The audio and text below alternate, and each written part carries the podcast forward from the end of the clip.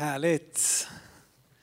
Det känns ju lite vemodigt på något sätt här att få stå här nu när det, jag inte ska få träffa er på åtta hela veckor. Jag glömde säga det, men jag flyger alltså på fredag. Så det är ganska snart. Och kanske att en del tänker, ja men Karo då? Ja du, det tänker jag med ibland. Men jag är välsignad med en generös och självständig fru som är väldigt generös och har varit uppbackande i detta ända från början. Ibland har vi båda såklart undrat lite vad vi har gett oss in i. Men på något sätt så upplever vi att Gud har lett oss i detta. Men ta hand om henne nu. Bjud henne på mat och kom hem och hjälp till att städa lite och tvätta bilen här ni som är grabbar och laga cykeln här precis. Det har hon en duktig far som är väldigt bra på. Men, eh, men det känns jättekul. Och eh, ser fram emot det. Och ni kan följa också min resa. Jag kommer blogga så mycket jag orkar på en eh, adress som ni hittar i infobladet. Så om ni är intresserade får ni gärna hålla koll där eh, och se lite vart, vart jag hamnar någonstans. Det eh, ska bli spännande. Känns så kul att få predika idag, att få göra det så här den sista söndagen nu. Det känns det låter ju som att jag ska liksom flytta, men det ska jag inte. Utan I mitten av juli är jag tillbaka igen och det känns väldigt bra. Men eh, jag har ett budskap idag som jag faktiskt tror är väldigt viktigt och någonting som jag först la märke till i bland unga eh, kristna ungdomar. Ehm, men någonting som jag sen när jag la märke till det bland dem också har tänkt på i lite andra sammanhang och insett att det här är inte bara ungdomar som har det här problemet eller som har den här bristen eller som, som kanske eh, ja, kämpar med detta. Utan jag tror att det är någonting som, som, som vi alla behöver ta till oss. Och mitt tema för idag är att tala ut. Och eh, då kan man ju fundera på om detta ska vara en slags eh, terapeutisk eh, predikan här nu när vi ska ha en, liksom en offentlig eh, själavård här och terapi. Och det, det, är inte riktigt det jag menar just med att tala ut, även om det är väldigt bra ibland också att få rensa luften, att få tala ut med varandra, att få säga som det är. Men jag skulle vilja just tala om detta i sin bemärkelse att tala ut, att använda sin röst att eh, låta den tro man har på insidan också höras med våra ord, med våra sånger, med våra böner. Eh, då jag tror att orden har en väldig eh, potential och en väldigt viktig roll. Och jag skulle vilja börja med att bara säga att ord skapar. Och kanske undrar lite vad jag menar med det, men om du följer med till första Mosebok så ser vi detta i själva skapelseberättelsen. Hur Gud med sina ord skapar himmel och jord. Hur det står om att han talar eh, och i första Moseboks första kapitel och vers 3 så står det så här. Gud sa, var det ljus och det blev ljus. Gud sa, var det ljus och det blev ljus. Gud skapade med hjälp av sina ord och nu kanske du liksom, men nej men det köper jag inte riktigt. Han kanske pratar om det samtidigt som han är på och liksom jobba med händerna. Men om vi tittar framåt lite längre i psalm 33 eh, så kan vi se detta ännu tydligare. Psalm 33 och vers 6. Där det står så här att himlen är skapad genom Herrens ord och då kan man ju tänka, ja men Herrens ord det kallar vi ju Bibeln, liksom det som står skrivet. Men så står det vidare sen då att eh, alla dess härskar genom hans muns ande. Alltså att han har talat ut ord och dessa ord har skapat någonting. Ord skapar, ord har makten att skapa någonting. Det kan både vara i positiv och negativ bemärkelse. Denne man här, Martin Luther King Jr, som ni säkert känner till de flesta utav er, Ehm, var ju en man som med sina ord skapade någonting. Han skapade en dröm, han formulerade det som så många gick och bar på. Denna fruktansvärda diskriminering som eh, i stort sett varenda mörk människa i hela USA fick kämpa med. Det satte han ord på och eh, formulerade en dröm om en frihet, en jämställdhet. Och faktum är att hans mest berömda tal I have a dream var faktiskt 50 år sedan just i år. Men det handlar inte riktigt om honom här, men just bara för att visa på hur orden kan skapa. Och han gjorde ju det i positiv bemärkelse. Idag så lever vi ju i den friheten. Det var ju många som sa det när Barack Obama blev vald till president, att nu på något sätt liksom när till och med presidenten kan vara mörkhyad, då har verkligen Martin Luther King Jrs dröm gått i uppfyllelse. På samma sätt kan man skapa någonting negativt med sina ord. Eh, bara för att ta det mest extrema exemplet så kan man prata om Adolf Hitler. Som vi var känd för att vara en otroligt duktig och dynamisk talare. Det var ju med sina tal som han förenade hela nationen. Eh, och genom sina ord och också genom sin propagandaminister Josef Goebbels så kunde de med ord skapa någonting som ju blev till massvansinne att människorna trodde på det trots att de säkert aldrig skulle komma på tanken själva att göra allt det grymma och hemska som sedan eh, stora delar av det tyska folket var med om. Så när en människa ställer sig upp och talar och propagerar och predikar ut någonting så har människor en förmåga att enas kring det. Men min predikan här idag handlar inte om, om liksom en lektion i retorik här hur du ska kunna hålla en predikan här med tre punkter och en bra inledning och avslutning och hålla uppe intensiteten och så vidare. För jag vet att de flesta av er skulle säkert, liksom, ni, ni svimmar nästan vid blotta tanken på att behöva stå inför massa människor och prata. Och det är inte de orden jag vill fokusera på utan jag vill predika och fokusera min predikan på de orden som du säger till dina barn. De orden som du säger till din man eller hustru eller till din familj. De orden som du säger till din arbetskamrat. De orden som du säger till dina klasskompisar. De orden som du säger till Gud. De här små orden som vi ibland tycker är betydelselösa och som vi känner, ja, vad spelar det för roll vad jag säger, vad jag tycker och vad jag gör. Men faktum är att dina ord har möjligheten att påverka din liksom, miljö, din närmiljö. Dina ord har möjligheten att påverka din familj, din arbetsplats och så vidare. Därför att ord skapar. Orden har möjlighet att göra detta. Och ibland säger man att, att eh, eh, människans historia är historien om de stora talen. Just bara för att poängtera vikten av de här stora ledarna som har ställt sig upp och hållit de här talen som, har, som har, liksom människorna har slutit upp kring. Och inte minst är ju det vi ett resultat av det. Det är ju dels på grund av det som Jesus sa och gjorde såklart, men också på grund av det han sa som vi sitter här idag. Men om de stora talen har möjlighet att forma nationer och forma hela liksom historieskrivningen så har dina små ord som du använder i vardagen möjligheten att påverka och forma eh, din vardag.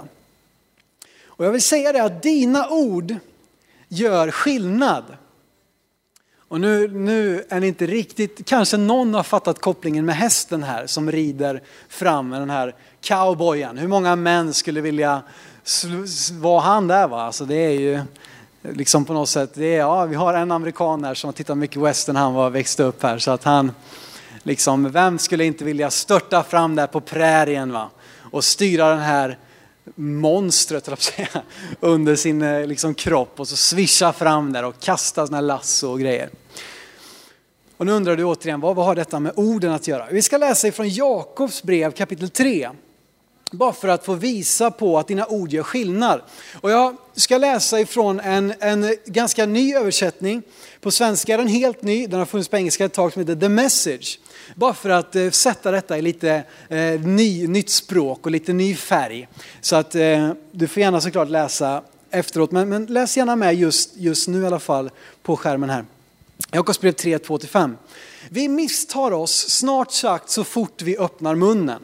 Om det fanns en människa som alltid sa den oförvanskade sanningen skulle hon vara felfri i alla avseenden och ha fullständig kontroll över sig själv. Man kan styra hela hästen med hjälp av ett betsel i munnen. En skicklig rorsman styr sitt stora skepp vart han vill, hur det än blåser, med hjälp av ett litet roder. Ett ord som går över ens läppar kan verka betydelselöst, men med hjälp av det kan man göra eller förgöra nästan vad som helst. Med bara ett betsel så kan man styra hästen, denna stora, liksom, denna stora djur styrs med det lilla, lilla betslet som, som eh, ryttaren eh, eh, drar i då och ger liksom kommandon på det sättet och styr vart den ska fara. Stora, stora skepp, jag vet inte om ni har sett de här gigantiska oljetankerserna som liksom har jag vet inte hur många ton de kan bära, men det är helt enorma eh, maskiner alltså. Och att de då styrs av ett roder som visserligen är väldigt stort på dem, men i förhållande till hela skeppet så är det väldigt, en väldigt liten del fortfarande. Och på samma sätt som betslet styr hästen, som rodret styr fartyget, så styr och påverkar dina och mina ord vår omgivning. De har möjlighet som det står här, att med hjälp av ett litet ord kan man göra eller förgöra nästan vad som helst. Dina ord gör skillnad. Det spelar roll vad du säger. Det spelar roll vad du låter komma över dina läppar.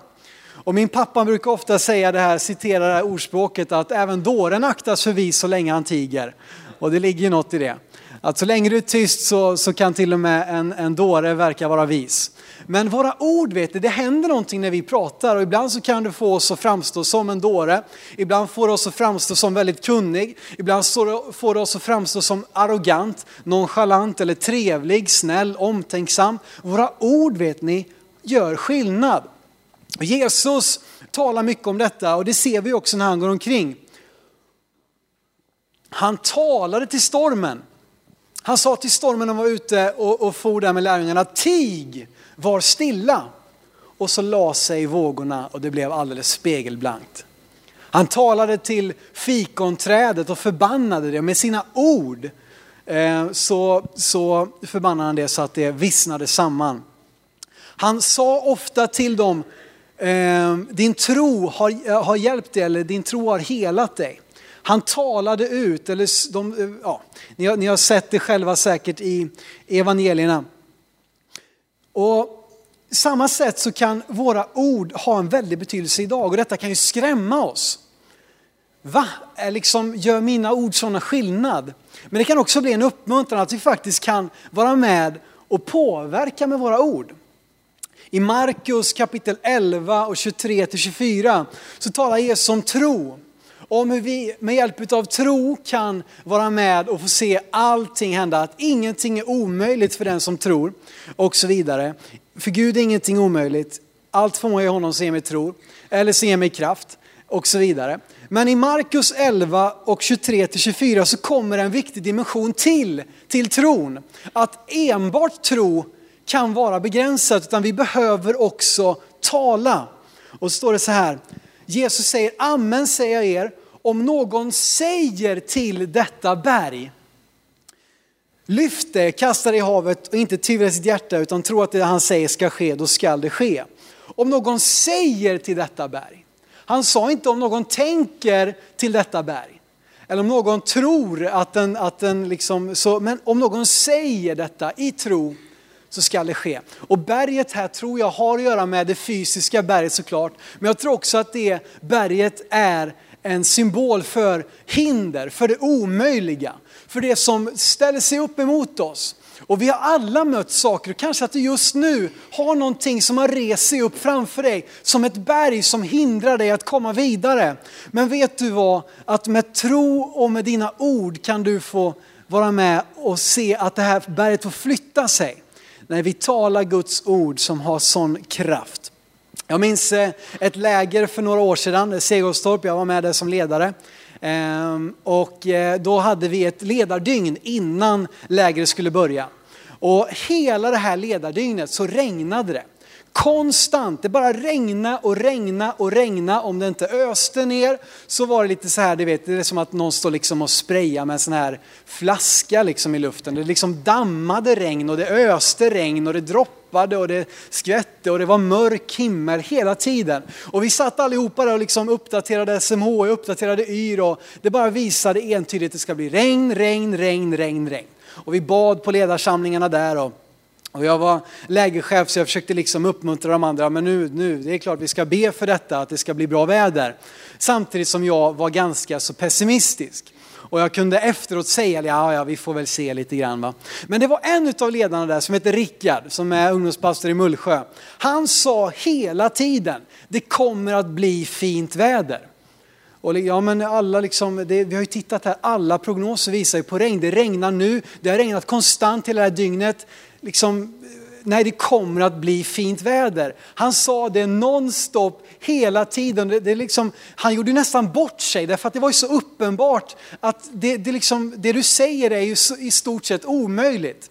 Och tiden gick där, klockan fyra eller något sånt där skulle vi börja välkomna deltagarna att komma till lägret.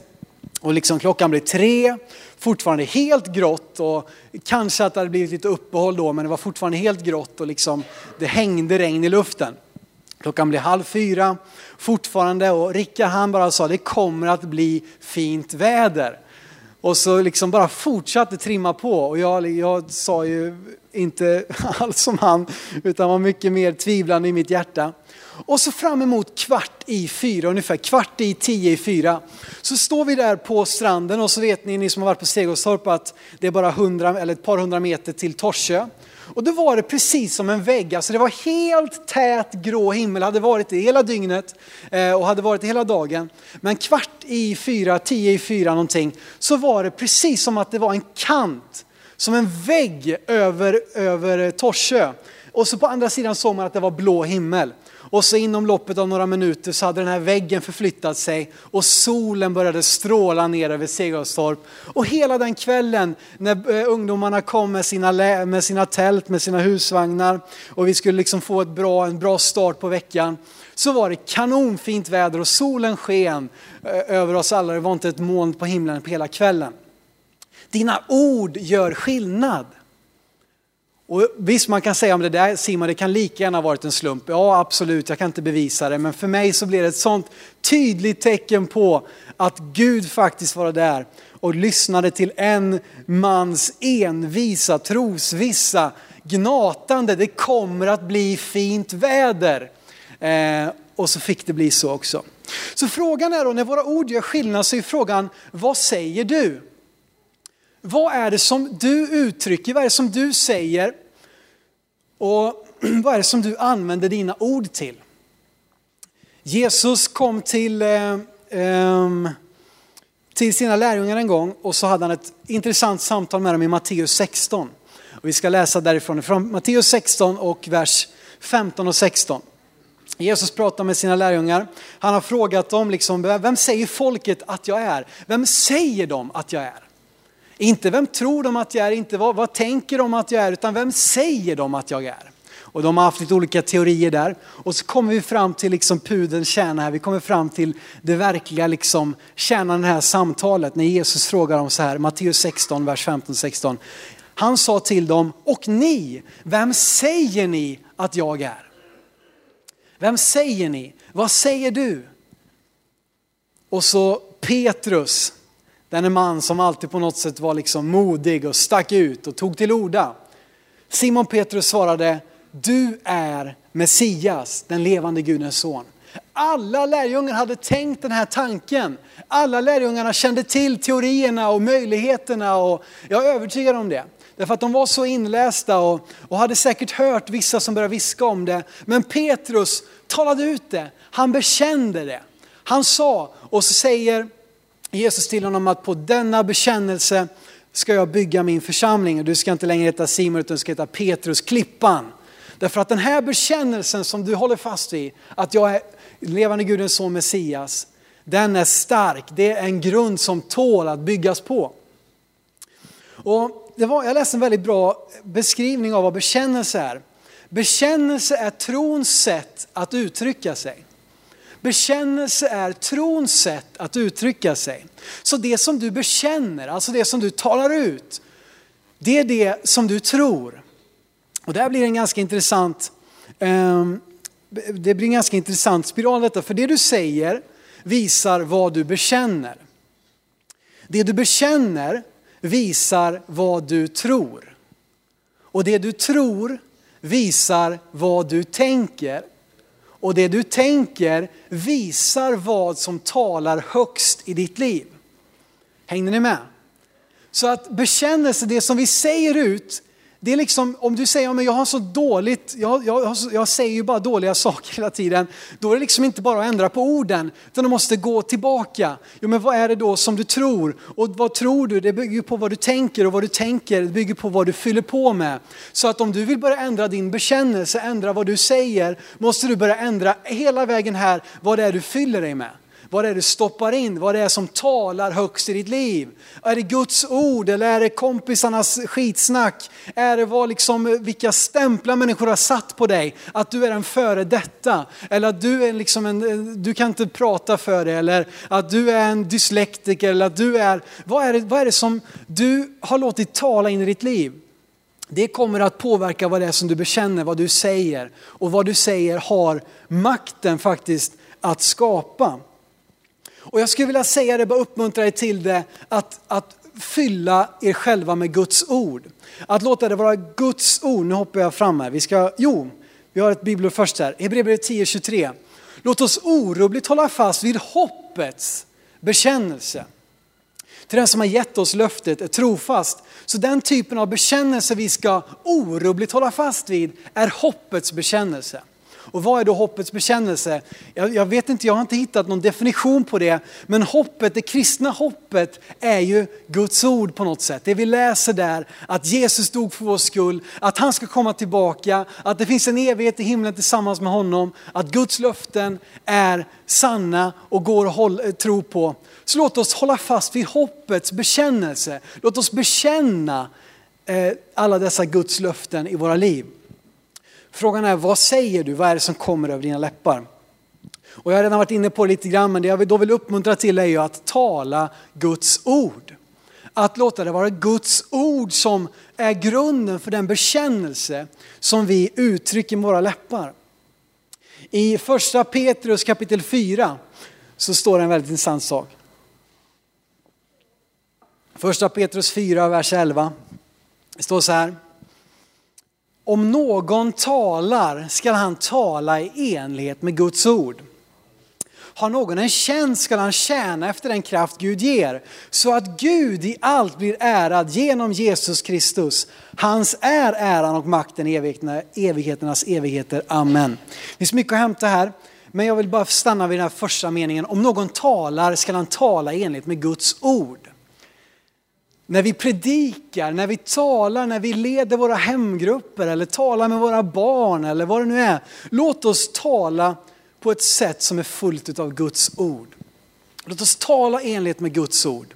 Låt det vara det som blir bekännelsen. Nu säger jag liksom inte, självklart ska vi prata om väder och vind och fotboll och fiske och liksom eh, altanbygge och liksom smink och allt sånt där. Självklart, liksom, det är inte bara så att du bara ska gå runt och, och du öppnar inte munnen om det liksom inte är psalm 23 här som du rabblar eller liksom vad det nu är för någonting. Det är inte det jag menar. Men att våran bekännelse, det vi talar ut, ska vara enligt med Guds ord. Och jag brukar tänka så hemma när jag läser Bibeln att ibland så bara känner jag nu vill jag läsa Guds ord högt. Jag vet inte om du har gjort det någon gång. Att läsa det ut högt. Bara ta upp Bibeln så här och så börja läsa. Och så läser du det högt. Och så bara känner du jag lovar dig att du kommer känna hur det påverkar atmosfären, hur det påverkar dig själv. Och för några veckor sedan så blev jag så utmanad här när jag hade intervjuat eh, paret Hägglunds här som ni kan läsa om i infobladet. Om hur de tog tid med Gud. Jag bara kände, ja men jag vill ta mer tid med Gud. Så jag började göra det och då började jag också att memorera bibelord igen. Jag gjorde det lite mer för, för några år sedan. Men så bara kände jag, jag vill börja memorera bibelord igen och bara börja liksom tugga på det och säga det 10-15 gånger samma bibelord. Och så bara känner man hur man byggs upp. Det är fantastiskt. Och det är så viktigt också att tala ut det. Därför att dina tankar, vet du, de far överallt. De liksom åker berg och dalbana, de åker in i det mörkaste rum och så kommer ut igen i ljuset och sen så liksom upp och ner och fram och tillbaka. Dina tankar, jag vet inte, finns du här som kan kontrollera dina tankar så kom till mig och berätta hur du gör. Alltså för mina tankar, de flyger all världens väg. Och någon gång har man ju sagt så här, va, tänk om vi liksom skulle ha en, en film här nu med, med senaste Simons eh, senaste veckans tankar. Om det hade varit det som hade, som liksom hade visats här nu de här 35 minuterna, då hade ni blivit mörkrädda och undrat vad är det för pastor vi har egentligen? Men våra ord däremot, de har vi möjligheten att påverka, vi har möjligheten att kontrollera våra ord. Så tala ut Guds ord, memorera Guds ord. Därför att, så här står det i Hebreerbrevet 4.12, att Guds ord är levande och verksamt. Det är skarpare än något tvegat svärd. Det tränger igenom och skiljer själ och ande, led och märg och en domare över hjärtats uppsåt och tankar. Vad underbart det är att ha en sån vers och bara plocka fram. Guds ord är levande och verksamt. Det är skarpare än något tvegat svärd. Det skiljer, det tränger igenom och skiljer själ och ande, led och märg och är en domare över hjärtats uppsåt och tankar. Så underbart att kunna memorera Bibeln.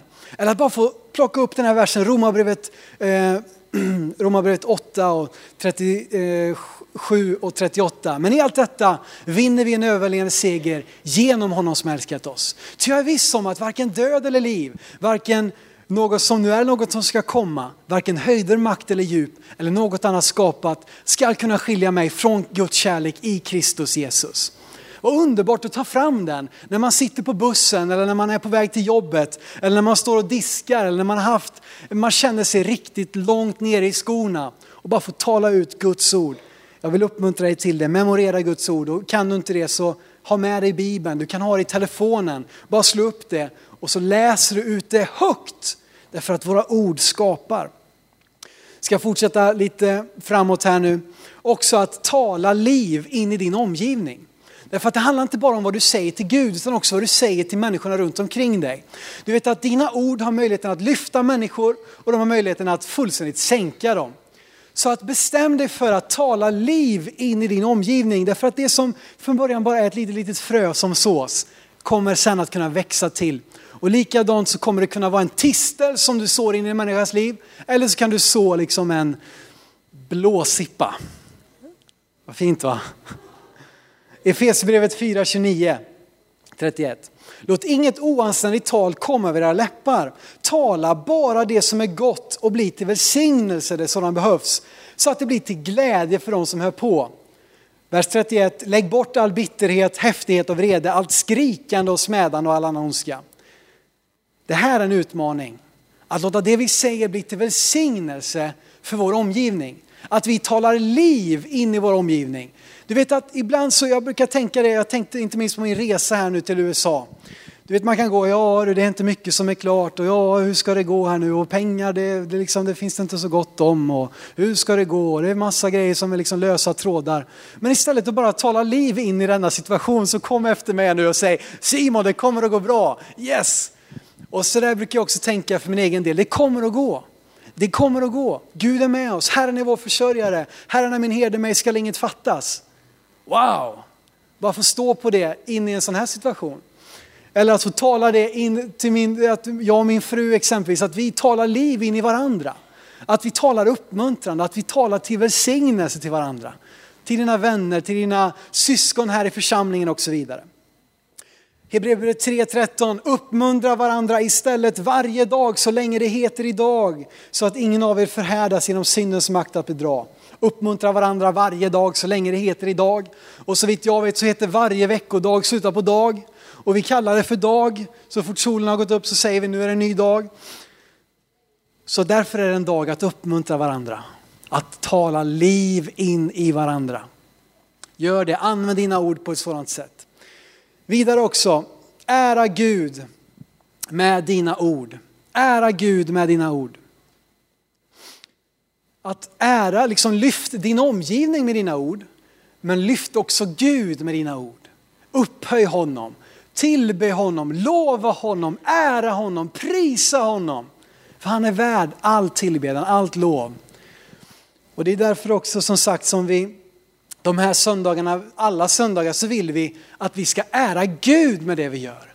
Att det ska vara Jesus som blir större och vi får bli mindre. Att han ska få lysa. Hebreerbrevet 13 och vers 15. Låt oss därför genom honom alltid frambära lovets offer till Gud. En frukt från läppar som prisar hans namn. Att få prisa, lova och ära honom. Och detta är någonting som Bibeln uppmuntrar oss till att göra ständigt. Du vet att du behöver inte ha med liksom ett helt team hem för att liksom lova Herren med din röst. Du behöver liksom inte ha med, vara på bönemöte för att göra det. Du behöver inte vara i din hemgrupp för att göra det, även om ni ska göra det på alla de platserna. Men att, vet du vad, när du går, när du står i duschen, då kan du sjunga så falskt att liksom fåglarna flyger iväg eller vad det nu är för någonting. Men att du ändå gör det och offrar lovets offer med dina läppar. Och vi kan tänka saker om Gud. Och det är jättebra, det är väldigt fint att tänka bra om honom. Men tänk också att få tala ut det, att få säga ut det. Och det är precis som när vi säger, uttrycker vår kärlek till människor runt omkring oss. Att det är såklart fint vad vi tänker om dem, men också mycket mer kraftfullt vad vi säger till dem. Tala ut det till dem. Ära Gud med dina ord. I Lukas kapitel 1 och vers 63-64 så möter vi Sakarias. Vi ska läsa det här. Sakarias har varit stum i, eh, i nio månader under hans frus graviditet. Han har fött en son trots sin höga ålder. Eh, och här nu så, så ska de namnge hans son och han får en tavla. Och står det så här, då bar han om en tavla och skrev Johannes är hans namn därför att ängeln hade sagt till honom att han ska heta Johannes. Och alla förundrade sig. Genast öppnades hans mun och hans tunga löstes. Och vad gjorde han då? Han började tala och prisa Gud. Sakarias hade inte kunnat tala på nio månader eller däromkring. Men så fort han fick möjligheten att börja tala igen så använde han sina ord, inte till att liksom förbanna, inte till att klaga, åh vad jobbigt det har varit att inte kunna prata på så här länge, utan han använde sin röst till att prisa Gud. Jesus gör det också i eh, Lukas 10 vers 21 så står det ett härligt bibelställe. I samma stund jublade Jesus i den helige ande och sa, jag prisar dig Fader, du himlens och jordens Herre, för att du har dolt detta för de visa och kloka men uppenbarat det för de olärda och små. Ja, far detta var din goda vilja. Men det är så underbart att Jesus jublar i den helige ande och prisar Fadern. Tänk att vi, kan, vi ska vara lika Jesus och då kan vi också få jubla i den helige ande och prisa Fadern. Och det handlar inte om liksom hur vi gör det, men att vi faktiskt använder vår röst. Kan du inte sjunga så, så gör det ändå, säga, men tala ut det då, be ut det, ropa ut det, gråt ut det, viska ut det. Gör vad du vill, men låt det höras. Låt det vara någonting, ett, en frukt från läppar som prisar hans namn. Det sista jag vill säga här nu är, höj din röst, tala ut. Det finns en sån kraft i detta och jag har märkt det på så många som, som eh, man har fått vara med och lärjungaträna i början liksom i det kristna livet. Och, det behöver inte bara vara i början, men när människor får tag på detta att börja be högt, att börja läsa Bibeln högt, att sjunga högt. Det händer någonting. För att våra ord skapar.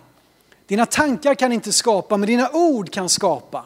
Och dina ord kan vara med och tala liv in i din, i din omgivning. Tala liv in i din situation, i din familj och ära Gud. Så jag vill säga det till dig, höj din röst. Höj din röst. Och detta var en väldigt framgångsrik krigstaktik i Gamla Testamentet. När Josua skulle inta Jeriko, då var taktiken att när vi har gått sju dagar ett varv, sjunde dagen har vi gått sju varv, så ska vi vadå? Jo, vi ska blåsa i basunerna och höja ett härskri. Vi ska ropa ut. Likadant Gideon när de skulle eh, ta, ta strid med midjaniterna. De var bara 300 man som omringade detta gigantiska läger. Och så var taktiken att på en given signal skulle de vifta med eh, facklor av eld och skrika ut, ropa ut för, Herrens, eh, för Herren och för Gideon. Och med sina röster så vann de seger.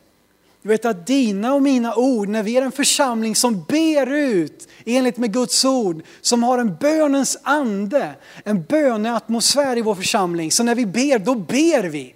Då blir det en makt, det blir en, det blir en kraft, en andlig makt i andevärlden när vi talar ut enligt Guds ord. Så jag vill säga det till dig, höj din röst, tala ut. Och vågar du inte göra det nu så sen när liksom musiken är på gång här och det blir lite högljutt eller när du kommer hem och du är ensam så bara testa detta. Tala ut. Vet du inte vad du ska göra så bara ta upp din bibel och tala ut. Jag ska avsluta den här predikan med att bara få ge dig möjlighet också att ta emot detta liv tillsammans med Jesus.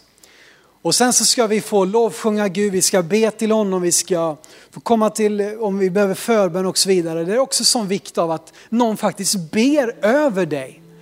att det är inte bara något vi, vi och nu tänker vi goda tankar om varandra, nej men vi kan be för varandra och tala liv in i varandras situationer. Och det är därför också som vi varje söndag vill be ut en frälsningsbön. Att vi får tala ut det. Att vi får säga det tillsammans. Vi står, stå med dem som fattar beslut och tillsammans med dem så får vi tala ut en bön till Jesus om att han ska komma in i våra hjärtan. Och vet du vad? Om du finns här som ännu inte känner Jesus så är erbjudandet helt öppet här idag. Idag är frälsningens dag. Idag vill Herren möta med dig och låta dig få frid med honom. Och du kan få be ut och kanske att du har en begynnande tro i ditt hjärta. Kanske att du har haft det länge. Men då tror jag också det skulle kunna vara viktigt för dig idag att faktiskt få visa din tro, att få uttrycka den och ge ett konkret liksom, bevis på din tro. Ska vi stå upp tillsammans? Ni har suttit länge nu och lyssnat och kanske att ni börjar bli lite trötta och mosiga. Jag har pratat länge här, mycket biblar och så vidare. Men vi behåller fokuset här inne, fokuset på Jesus, fokuset på honom. Och så vill jag alldeles strax göra en inbjudan till dig som den här förmiddagen vill säga ditt ja till Jesus. Vill få uttrycka det genom att om en liten stund räcka din hand som ett tecken på detta. Ett bevis inför Gud att du vill ha med honom att göra. Och sen att vi också ber ut tillsammans, att vi talar ut en frälsningens bön där vi välkomnar Jesus in i våra hjärtan. Så medan andra blundar av respekt för varandra, att man ska kunna fatta det här beslutet själv så, så är det bara jag som tittar och vi har några stycken också i ett team som finns här för att hjälpa dig, eh, liksom följa upp dig så att du kan få växa vidare i ditt kristna liv. Så vill jag fråga dig nu, om du finns här inne medan alla blundar som vill säga ditt ja till Jesus. När jag har räknat till tre så kan du bara lyfta din hand när jag har kommit till tre som ett tecken på detta. Att du vill välkomna Jesus, du vill få frid med honom, frid med Gud och få ta emot det här livet tillsammans med Jesus. Han gav sitt liv för dig och nu kan du få ta emot det i tro på honom. Så medan alla blundar så säger jag ett, gör din hand redo. Två, tre, lyft din hand vart du än är någonstans om du finns här som vill på det sättet visa för Gud att du är välkommen med i ditt hjärta. Amen, Gud välsigne dig. Kanske att det är någon mer. Någon mer innan vi ber tillsammans. Gud välsigne dig och dig. Ska vi be tillsammans en frälsningens bön tillsammans med dessa personer som idag ger sitt gensvar till Jesus. Så ber vi en bön och så står vi med dem i detta. Att vi alla ber ut högt nu. Jag ber först, sen ber ni efter mig. Och säger vi så här, Jesus, tack att du dog för mig. Tack att du bar mina synder. Tack att jag i dig har liv. Jag ber om förlåtelse för allt jag gjort som är fel. Och jag vill välkomna dig in i mitt hjärta. Var min frälsare. Var min Herre. Var min bäste vän. Från denna dag, hela mitt liv. Amen. Amen. Du som bad den här bönen, bara gratulera dig att du har fått ta emot Jesus i ditt hjärta. Resten av lossteamet, när jag kommer fram här, så ska vi ta några minuter här på slutet då vi ska få lovsjunga honom. Men det finns också möjlighet till dig som vill ha förbön. Våra förberedare kan komma fram hit med en gång och sätta sig på första bänkarna. Och så finns de här för att be för dig, för dina behov. Att få tala ut i tro över ditt liv. Och du kan få ta emot helande, frälsning, upprättelse, befrielse. Så ta den här möjligheten nu att få ta emot förbön. Och nu när vi sjunger också, höj din röst, ära Gud med din röst. Kanske att du inte är van vid det, men sjung ut högt. Det är ingen som kommer skratta åt dig, utan tvärtom så gläds vi när vi tillsammans får sjunga ut, be ut och tala ut vår kärlek till Gud. Amen.